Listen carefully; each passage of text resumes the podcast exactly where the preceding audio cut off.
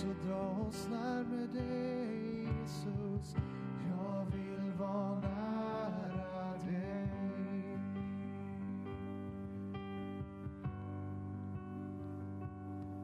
Tack Jesus. Halleluja. Tack att vi får dra oss nära dig den här morgonen Herre. Halleluja. Nära ditt hjärta Jesus. Tack att du är den samme Herre. Halleluja. Halleluja. Och när vi närmar oss dig så kommer du oss till mötes. Du kommer oss till mötes med din nåd Herre. Vi tackar dig för den nåden den här morgonen Herre. För var och en Herre av oss som, som är här, som lyssnar, som sitter vid dator och tv och telefon Jesus. Jag tackar dig för att du är precis lika närvarande där ute som här i kyrkan just nu Herre. Vi tackar dig Herre. Tack att din hand, den är inte för kort Herre. Den räcker fram Herre. Det som skiljer oss, det är synden. Men den får vi vända oss bort ifrån. Vi får möta dig, vi får söka dig, vi får vända oss till dig Jesus. Och då kommer du där med din nåd till, emot oss Herre. Vi prisar dig Herre. Vi prisar dig, du är den högste. Du är den störste. Du är Herre. Du är konungarnas konung och herrarnas Herre Jesus. Vi ärar dig idag Herre. Vi ärar dig, prisar dig Jesus. Halleluja. Tack Fader. Mm. Halleluja. Halleluja. Kan vi sjunga den här sången en gång till bara, refrängen? Så sjunger du där hemma också. Halleluja. Sjung där hemma också. Du är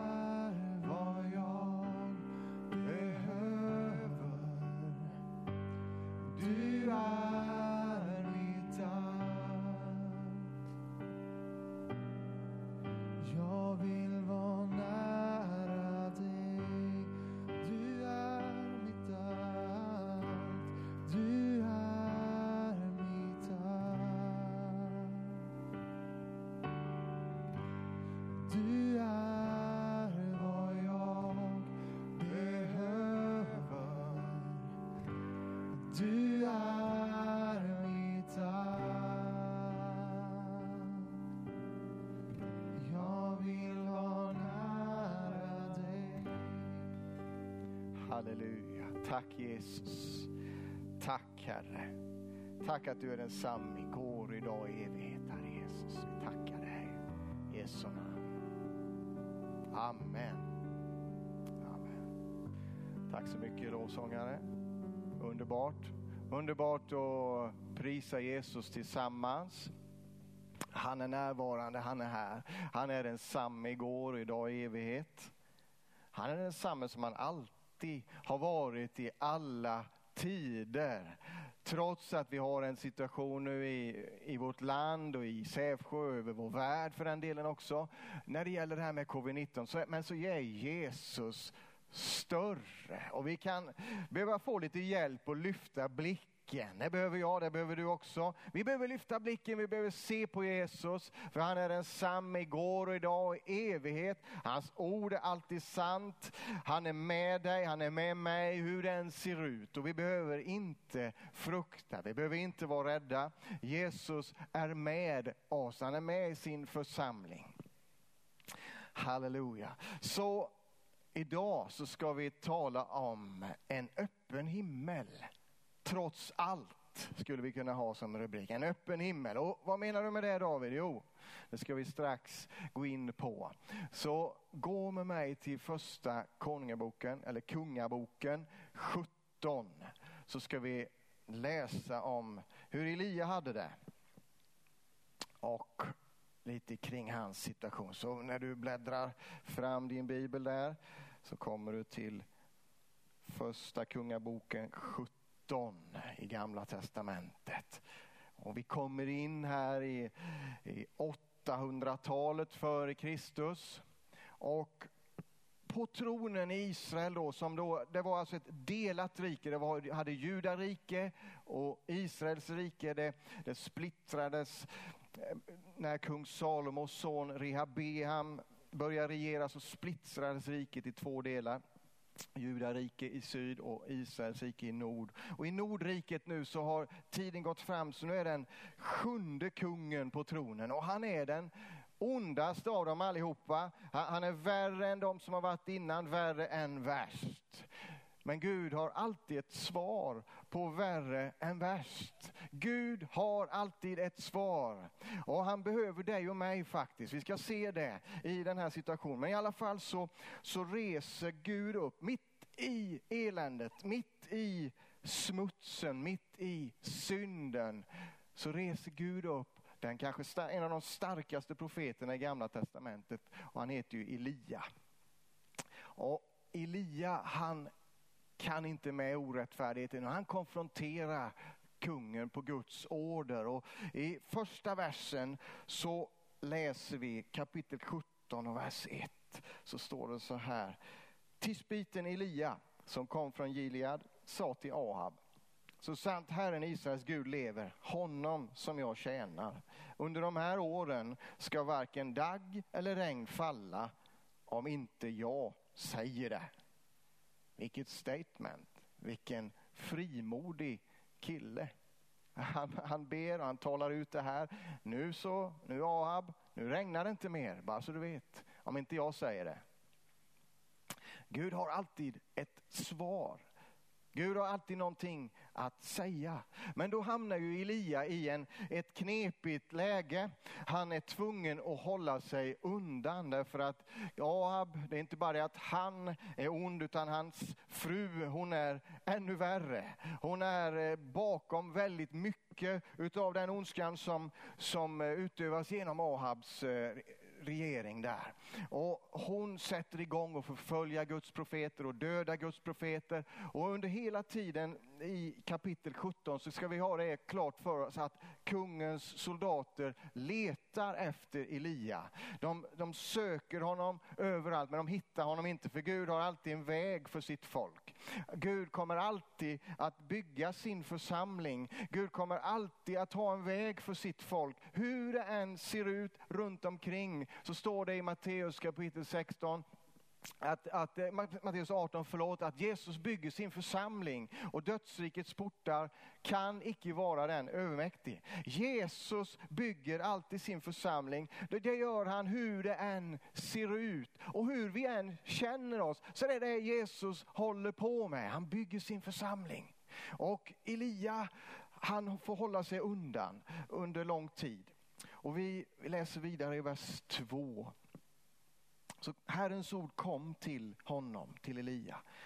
Gå bort härifrån och bege dig österut och göm dig vid bäcken Kerit öster om Jordan.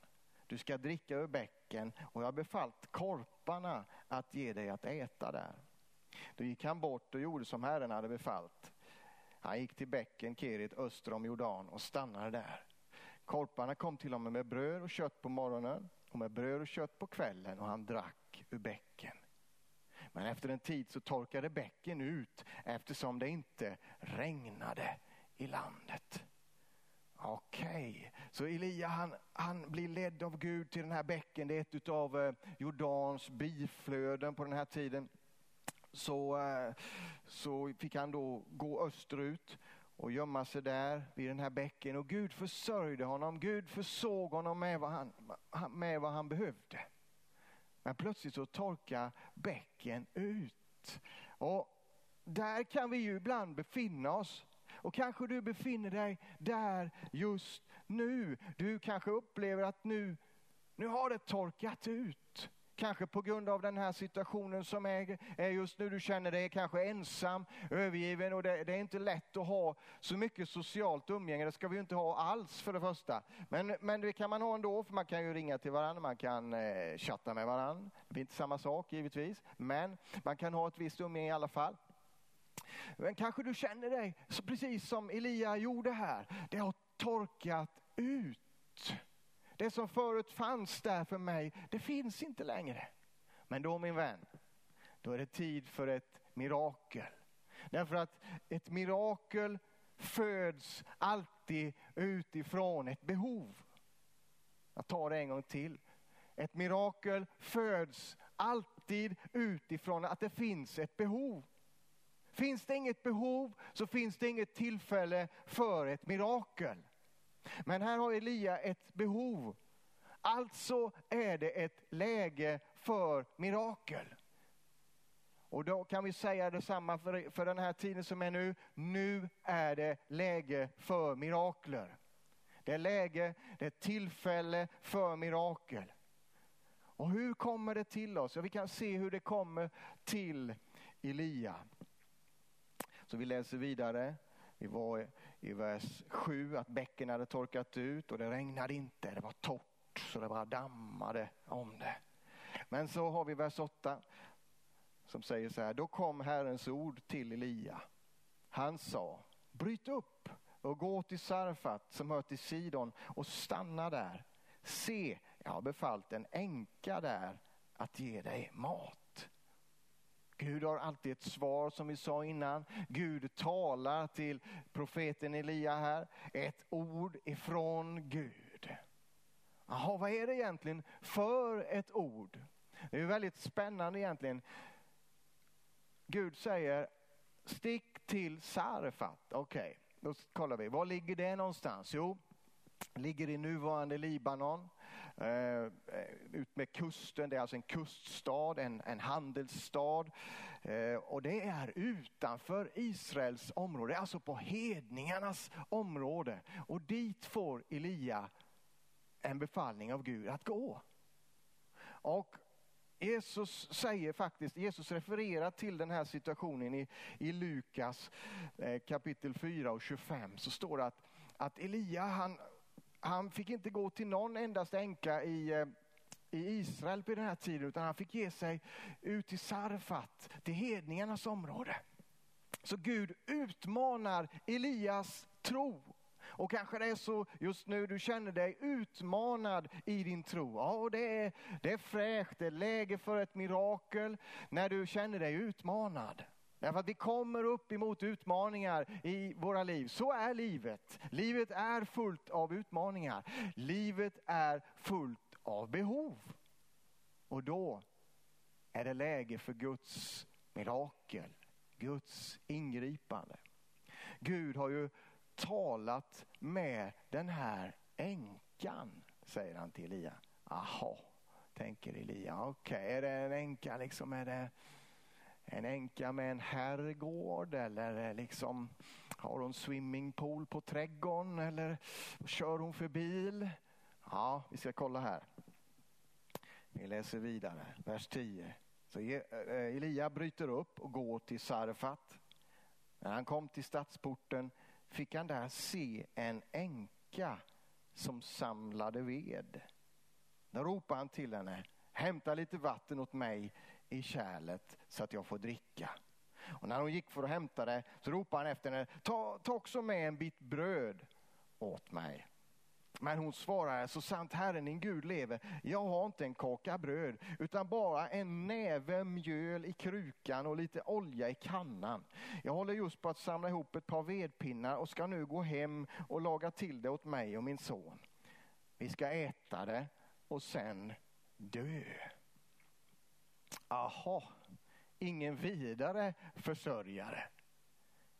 Men så här är det med Gud, att ibland så kommer bönesvaret på ett sätt som du och jag inte har räknat med. Väldigt speciellt bönesvar som Elia får här. Gå till den här änkan, ja, han går dit. Hon samlar vedpinnar. Hon har bara en näve mjöl kvar. Och nu ska vi äta vår sista måltid, säger hon till Elia.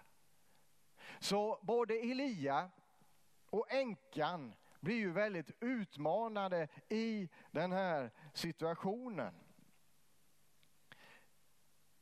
Så vi vänder blad i min bibel här. och Du vänder i din kanske. Så läser vi vidare. Vers 13. Då sa Elia till henne, var inte rädd. Gå och gör som du har sagt, men laga först till en liten kaka åt mig och bär ut den till mig.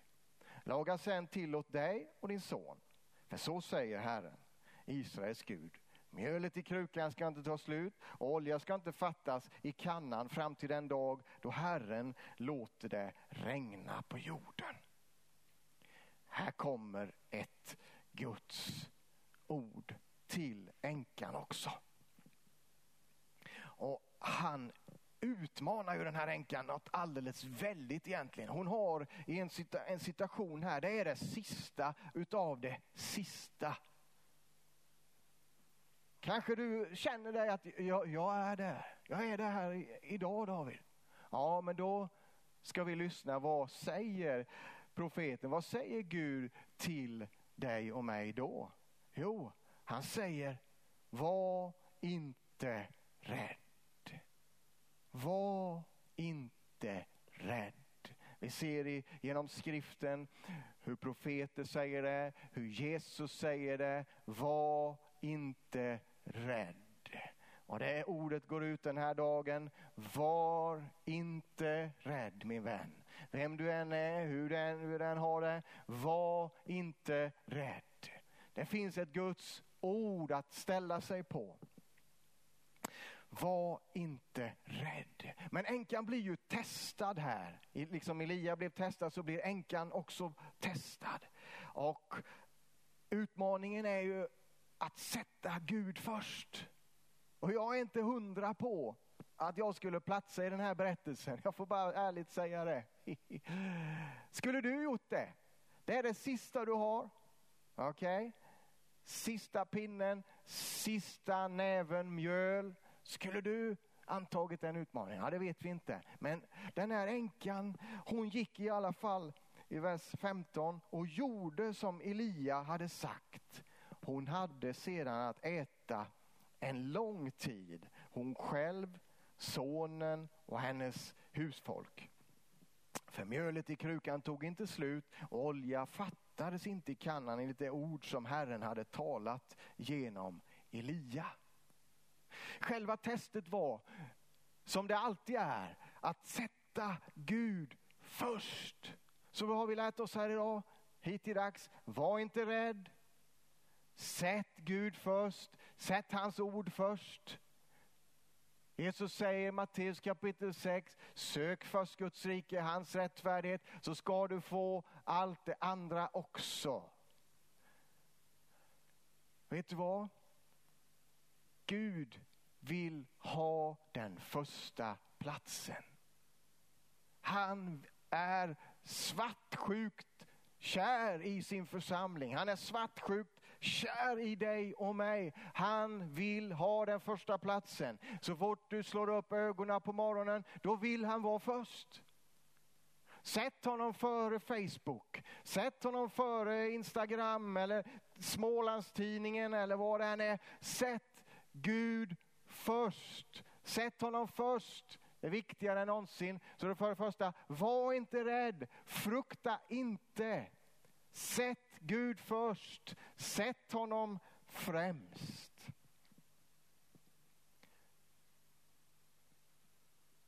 Så utmaningen går ut till dig och mig idag. Sätt Gud först. Sätt mig först. För han väntar där bredvid din säng på morgonen att, att tala med dig, att tala till dig. Och hur talar han? Jo, först och främst genom boken, genom ordet som han alltid har gjort. Tappa inte bort din bibel. Hitta den igen. Läs den, slit den. Fyll dig själv med Guds ord. Gräv ner dig i Guds ord. Känner du att fruktan, att fruktan gnager på dig, att det äter på dig. Fyll dig med Guds ord. Hitta ett ord ifrån Gud som, som eh, du applicerar på din situation. Och här har du ett. Var inte rädd. Var inte rädd.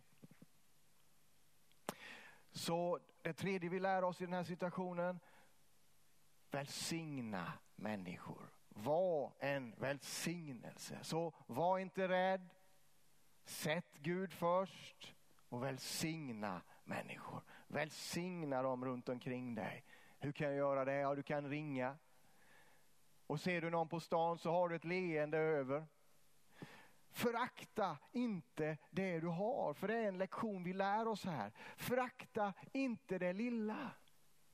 För när Gud gör sig redo att ta itu med Ahab så reser han upp en stark profet, han reser upp den kanske starkaste profeten i gamla testamentet. Men det handlar också om en änka.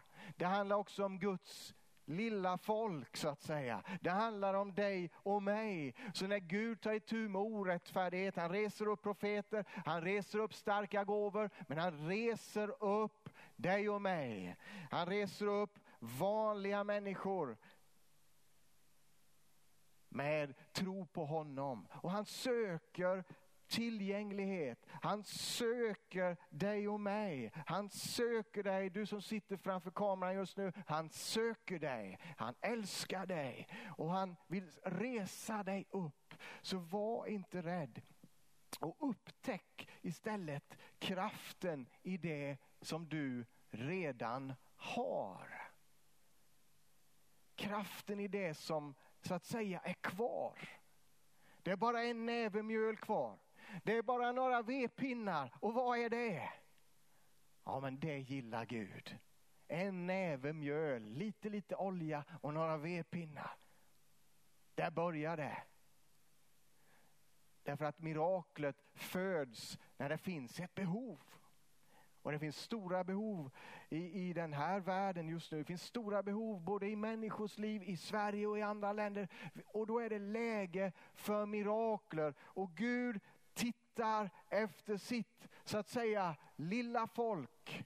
Som andra kanske föraktar, som andra ser ner på. En, en änka, skulle hon kunna vara den här stora profetens bönesvar?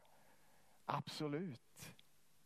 Han hade kanske tänkt sig en änka med stor herrgård och fin bil och allting. Va? Nej, en näve mjöl, några vedpinnar och lite olja.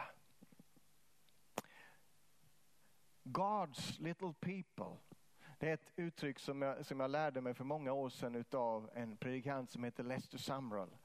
Och Lester Sumrall han, han tjänade Gud under många, många år. En, en amerikan. Han reste över hela världen och han, eh, han var missionär som sagt. Grundade församlingar och, och drog in massor med folk i Guds rike. Men när han var 70 år så talade Gud med honom. Han var 70 år. Hörde du vad jag sa? Han var 70 bast. Så talar Gud till honom en natt och så säger Gud, nu börjar jag kunna lita på dig. Nu ska du starta ett hjälparbete.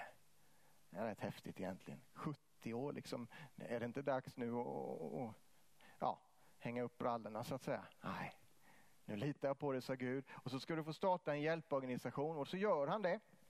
Och sen åker han, eh, det här är ungefär när kommunismen faller i, i rappet där i slutet på 80-talet någon gång, mitten, slutet 80-talet. Och han börjar och, och, och mätta de hungrande. Och så eh, fick han en gång en fråga här mot slutet av sitt liv när han är en bit över 80. Vilka var det som, som hjälpte dig mest i det här arbetet? Vilka var det som, som gav mest och som var ditt största stöd? Svaret var God's little people. Guds lilla folk. Det var de som gav mest. Det var de som när man räknade på det var de som var mest trofasta.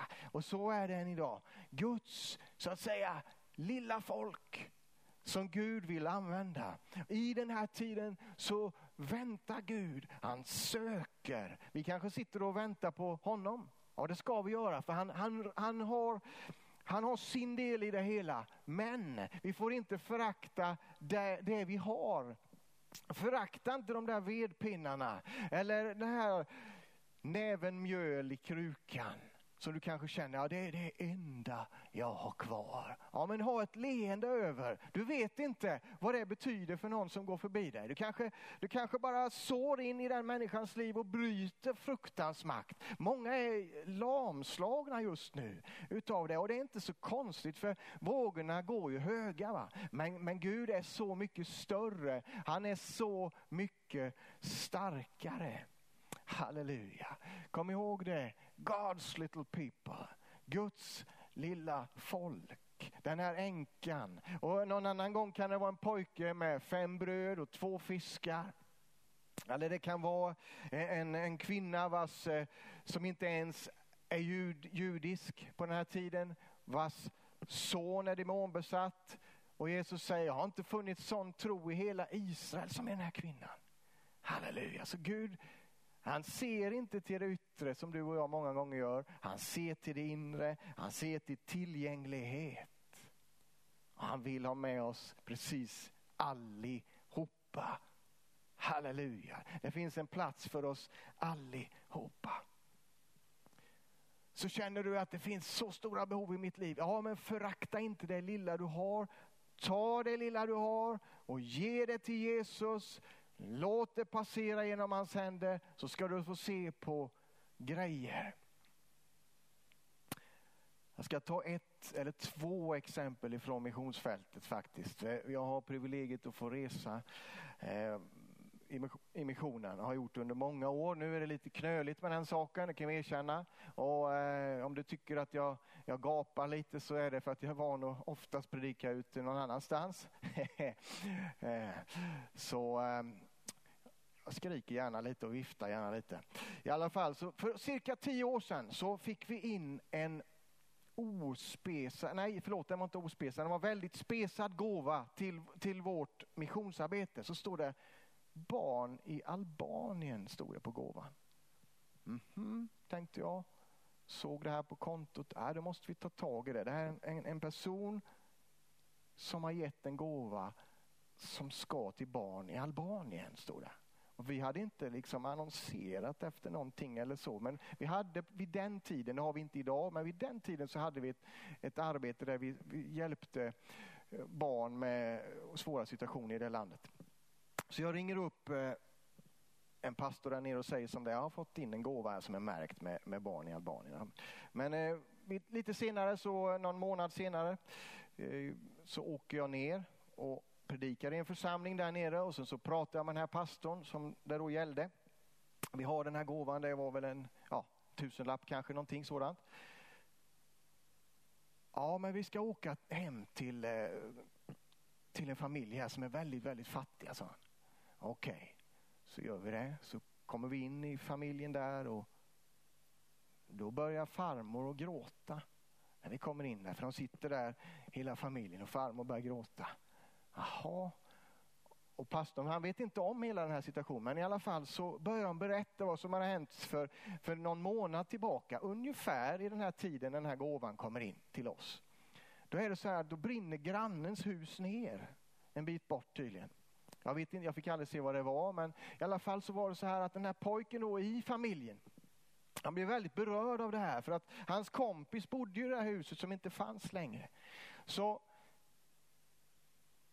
han tänkte, jag måste ju göra något. Jag måste ju fixa någonting här för min kompis. Så, så en dag när han kom hem från skolan så, så hör mamma hur det börjar skvala på toaletten. Liksom. Och det kan det ju göra av olika anledningar. Men det var inte den saken det handlade om som du tror. Utan han står där inne och tvättar sina skor. Vad sysslar du med, säger mamma. Vad gör du? Att tvätta mina skor, sa han. Jaha, men ja, varför då, då? Jo, för jag ger dem nu till min kompis här borta, för han har inga. Ja, men vad säger du, sa mamma. Det där är dina enda skor. Ja, men det gör ingenting. För jag går i mina tofflor och det, det var fram i november, någonting vill jag minnas. Då är det ganska kyligt även i Albanien. Så han ger sitt enda par skor till grannen. Wow! Men då sätter sig det här förloppet igång med att Gud börjar välsigna honom. Halleluja. Nu börjar nästan lipa här, ursäkta mig. Halleluja, för det är så underbart. Han ger bort sina skor, det enda han har, till grannen som inga skor har. Och så får han skörd rakt in i sin familj, i sin fattiga familjs tillstånd, så kommer det tusen spänn. Och det klarar de sig gott på ganska länge ska jag säga. Gud älskar det lilla. Frakta inte det lilla du har. Kom ihåg pojken som tvättar sina skor. Halleluja. Tack Jesus. Jag ska ta ett annat exempel ifrån Tanzania.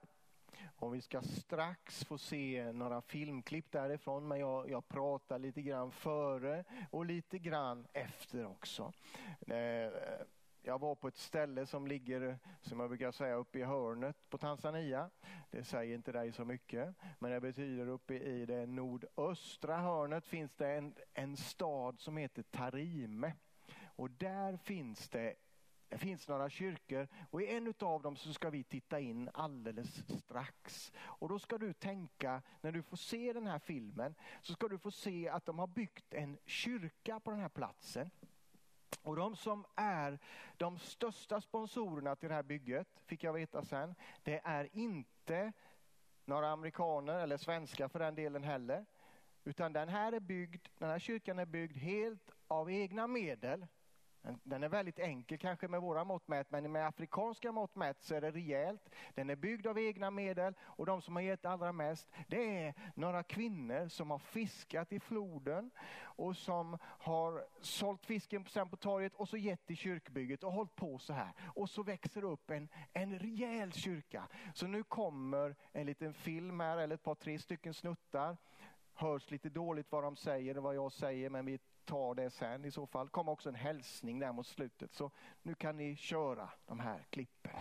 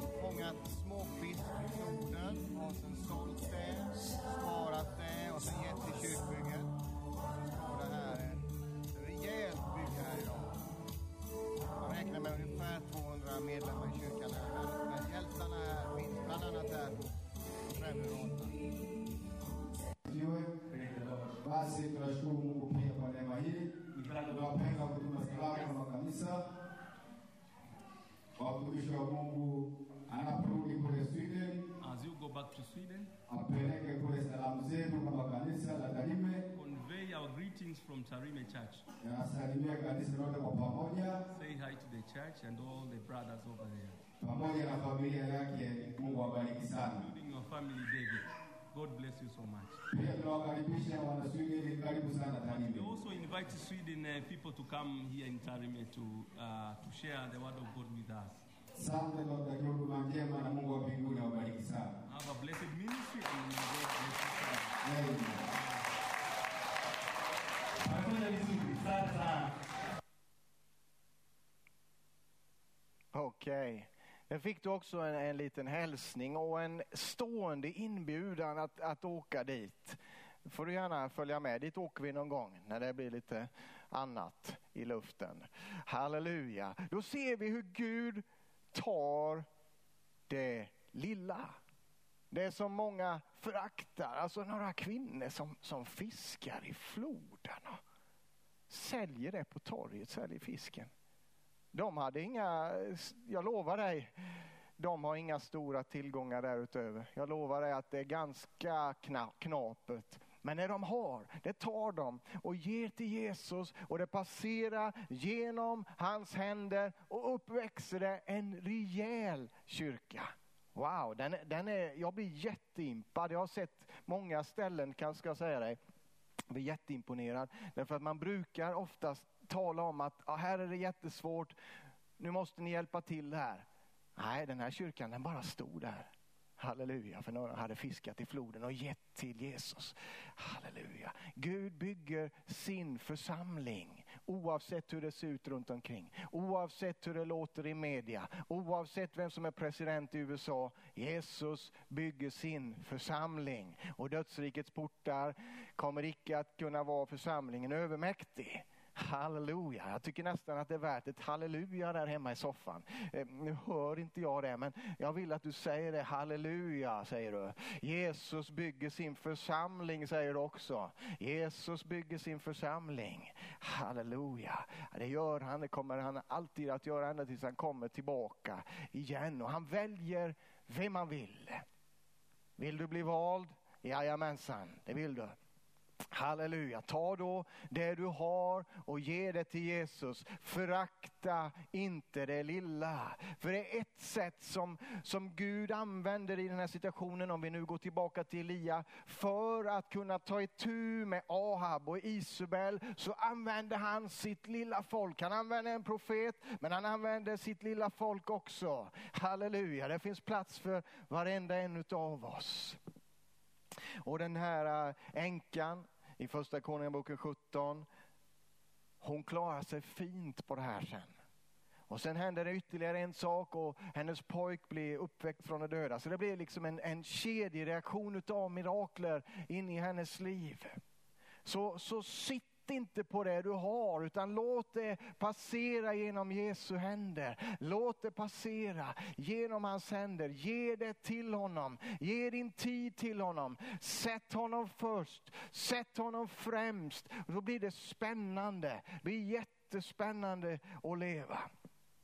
Halleluja. Så nu ska vi avrunda alldeles strax här och vi ska landa i andra Korintierbrevet i Nya Testamentet i kapitel 4. Halleluja. Så ska vi läsa några verser som, som jag tycker är så härliga, egentligen hela kapitlet. Men vi, vi börjar här i, i vers 1. Därför, när vi, när vi genom Guds barmhärtighet har denna tjänst så ger vi inte upp. Därför, när vi genom Guds barmhärtighet har denna tjänst så ger vi inte upp. Jag bara kommer emot all uppgivenhet just nu. Ge inte upp. Ge inte upp min vän. Ge inte upp.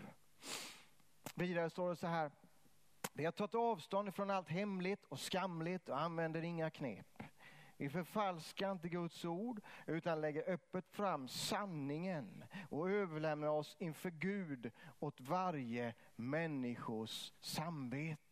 Alltså du som tittar just nu och undrar vad är ni för några? Är ni en sekt? Eh, håller ni på med något hokus pokus i bakgrunden? Nej, det gör vi inte. Inte ett dugg. Vi lägger fram Guds ord som det är med Guds hjälp och efter bästa förmåga. Och vi vet att varenda människa behöver möta Jesus. Varenda människa behöver höra evangelium. Vi håller inte på och fiffla med någonting, bara säger det. Vi gör inte det, utan vi, vi tar avstånd från hemlighetsmakeri och, och grejer. Va?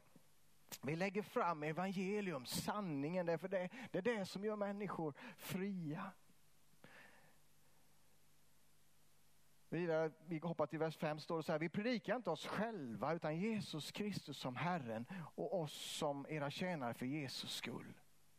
Gud som sa, ljus ska lysa ur mörkret, han har lyst upp våra hjärtan hjärtan för att kunskapen om Guds härlighet som strålar från Kristi ansikte ska sprida sitt ljus. Vi är bara intresserade av att tända ljus i mörka situationer. Vi mörkar ute så vet vi vad ljuset betyder. Vi är intresserade av att tända ljuset.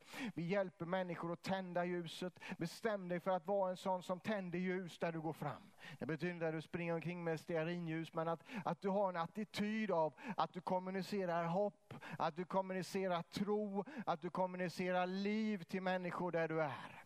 Vi tänder ljuset just nu. Vad finns det för ljus då? Ja, det finns ett ljus. Han heter Jesus. Han är världens ljus och vi vet att det ljuset tänds så tränger det undan allt mörker. Vi bara tränger undan mörker i din situation just nu. Om du sitter här och du har ångest och det är jobbigt så är det så här att Jesus vill vara ditt ljus för han är världens ljus. Så du behöver ta emot honom. Du behöver släppa in honom. Och Det kan vara att du har släppt in honom också, men att det har kommit in mörker av någon anledning, ja då behöver du närma dig Jesus igen, för han är världens ljus. Vi läser vidare vers 7. Men denna skatt har vi i lerkärl för att den väldiga kraften ska vara Guds och inte komma från oss. Och det vet du som, som känner oss att vi är, vi är som lerkärl allihopa. Ett lerkärl är, är bräckligt, ett lerkärl är inte speciellt hållbart. Men den här versen säger att i lerkärlet så finns skatten. Och vi är som ett lerkärl i Guds händer. Hans församling är som ett kärl som han arbetar med, som han formar, som han gör till det som han vill ha. Och i lerkärlet så finns skatten. Glöm aldrig det. Du som kanske sitter där som är troende, som är uppgiven, som är missmodig. Du har en skatt på insidan. Släpp ut skatten. Även om kärlet går sönder, ja då syns ju skatten ännu bättre. Då syns det att det är Jesus det handlar om, att det är han som lyser. Så, så eh, talar Paulus vidare här i vers 8. Vi är ständigt trängda men inte instängda. Rådvilla men inte rådlösa. Förföljda men inte övergivna, nedslagna men inte utslagna. Och det talar om att Gud alltid har en väg. Och hans bönesvar, hans svar till dig och mig i den här situationen som är, kanske inte är precis vad vi hade räknat med. Men han har en väg, det har han alltid. Han har en väg för dig och mig. Halleluja. Eh, vi går vidare. Vi vänder bladet. Kommer till vers 16, andra kor 4 och 16 så står det så här igen. Därför ger vi inte upp. Därför ger vi inte upp. Vi ger aldrig upp. Vi ger inte upp. Det här kommer att gå förbi. Den här pandemin kommer inte vara för evigt. Vi ber emot den. Vi tror på helande därför att Jesu namn är större än covid-19 som är på alla läppar. Jesus namnet är större. Gud svarar på bön hur den ser ut. Vers 16, jag läser den igen. Därför ger vi inte upp, även om vår yttre människa bryts ner, förnyas vår inre människa dag för dag. Alltså vad det här lär oss är att det handlar inte om yttre omständighet utan det handlar om vad som händer på insidan. Så mitt i det här så kan din och min inre människa förnyas dag för dag. Insidan kan bli starkare dag för dag. När vi matar insidan med rätt saker, när vi matar insidan med vad Gud säger, att Gud är med dig, han är för dig, han bor i dig så förnyas din insida. Då blir du starkare, så blir jag starkare. Vers 17. Vår nöd som är kortvarig och väger lätt bereder åt oss en väldig och överväldigande härlighet som väger tungt och varar för evigt. Okej, okay, det kan vara tufft, men Guds nåd är större. Halleluja, hans härlighet väger tyngre.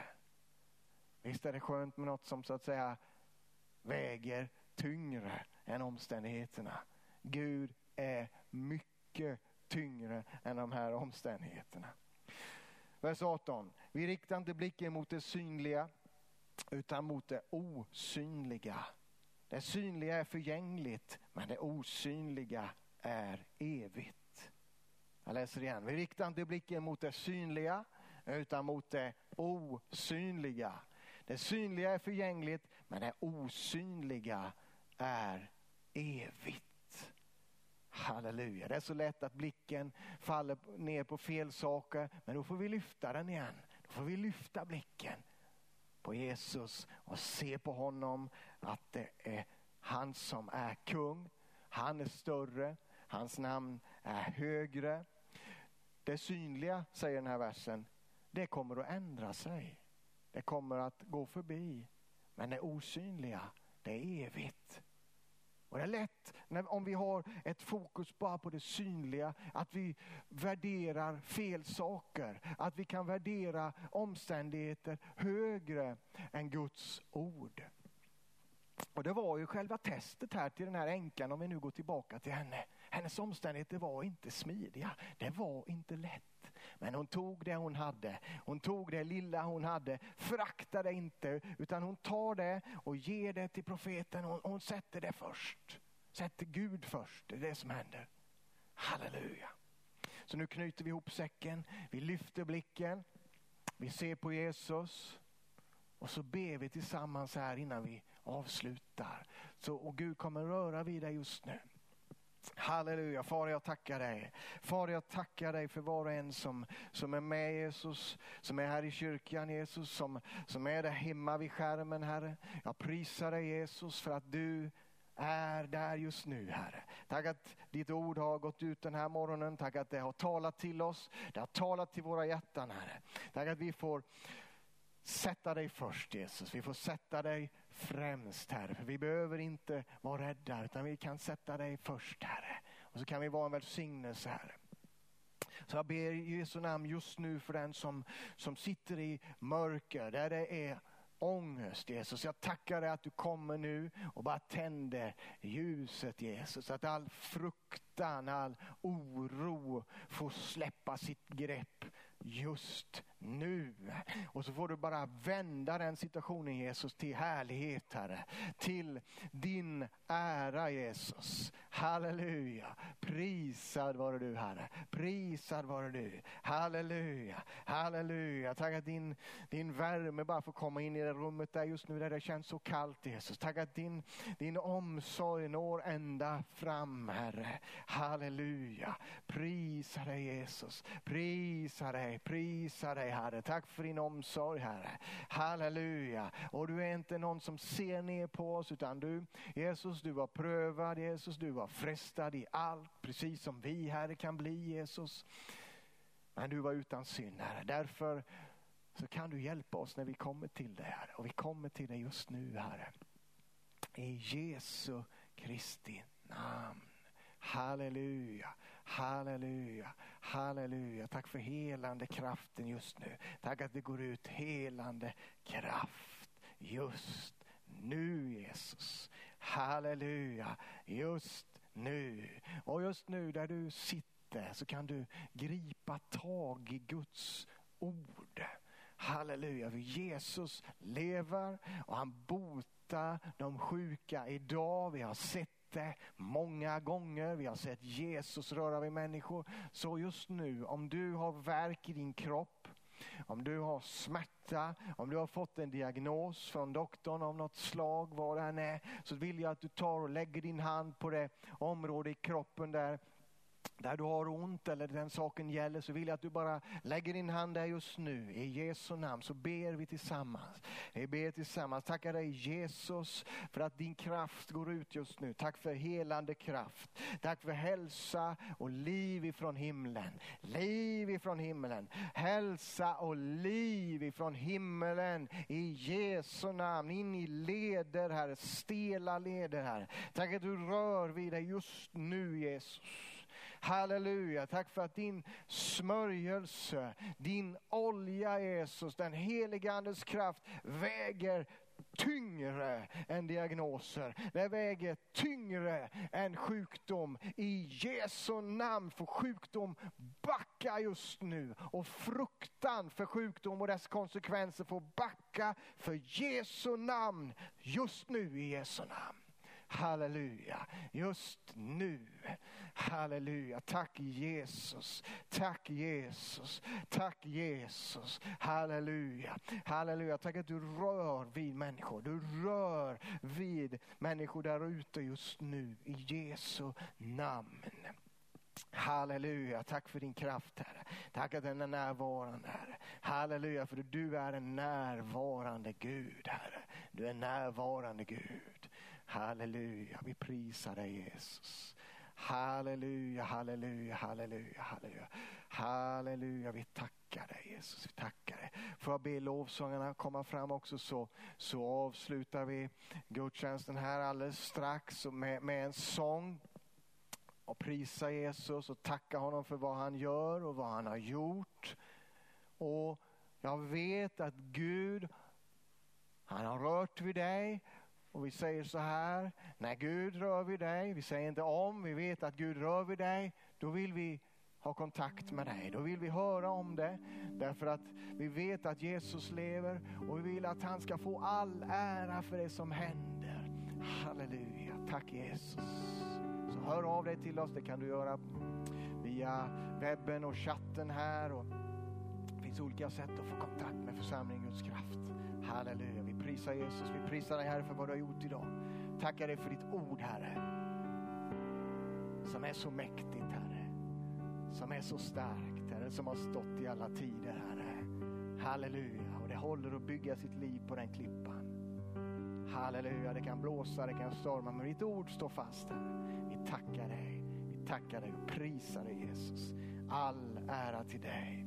Halleluja, vi, vi avslutar nu och prisar Jesus med en sång och sen så kör vi igen på söndag. Så du är välkommen att hänga på igen. Gud välsigne dig. Tack så mycket för idag. Vi längtar också efter den tiden när vi får ses ansikte mot ansikte igen. Kommer snart. Gud välsigne dig. Ha en riktigt välsignad vecka så prisar vi Jesus tillsammans. Vi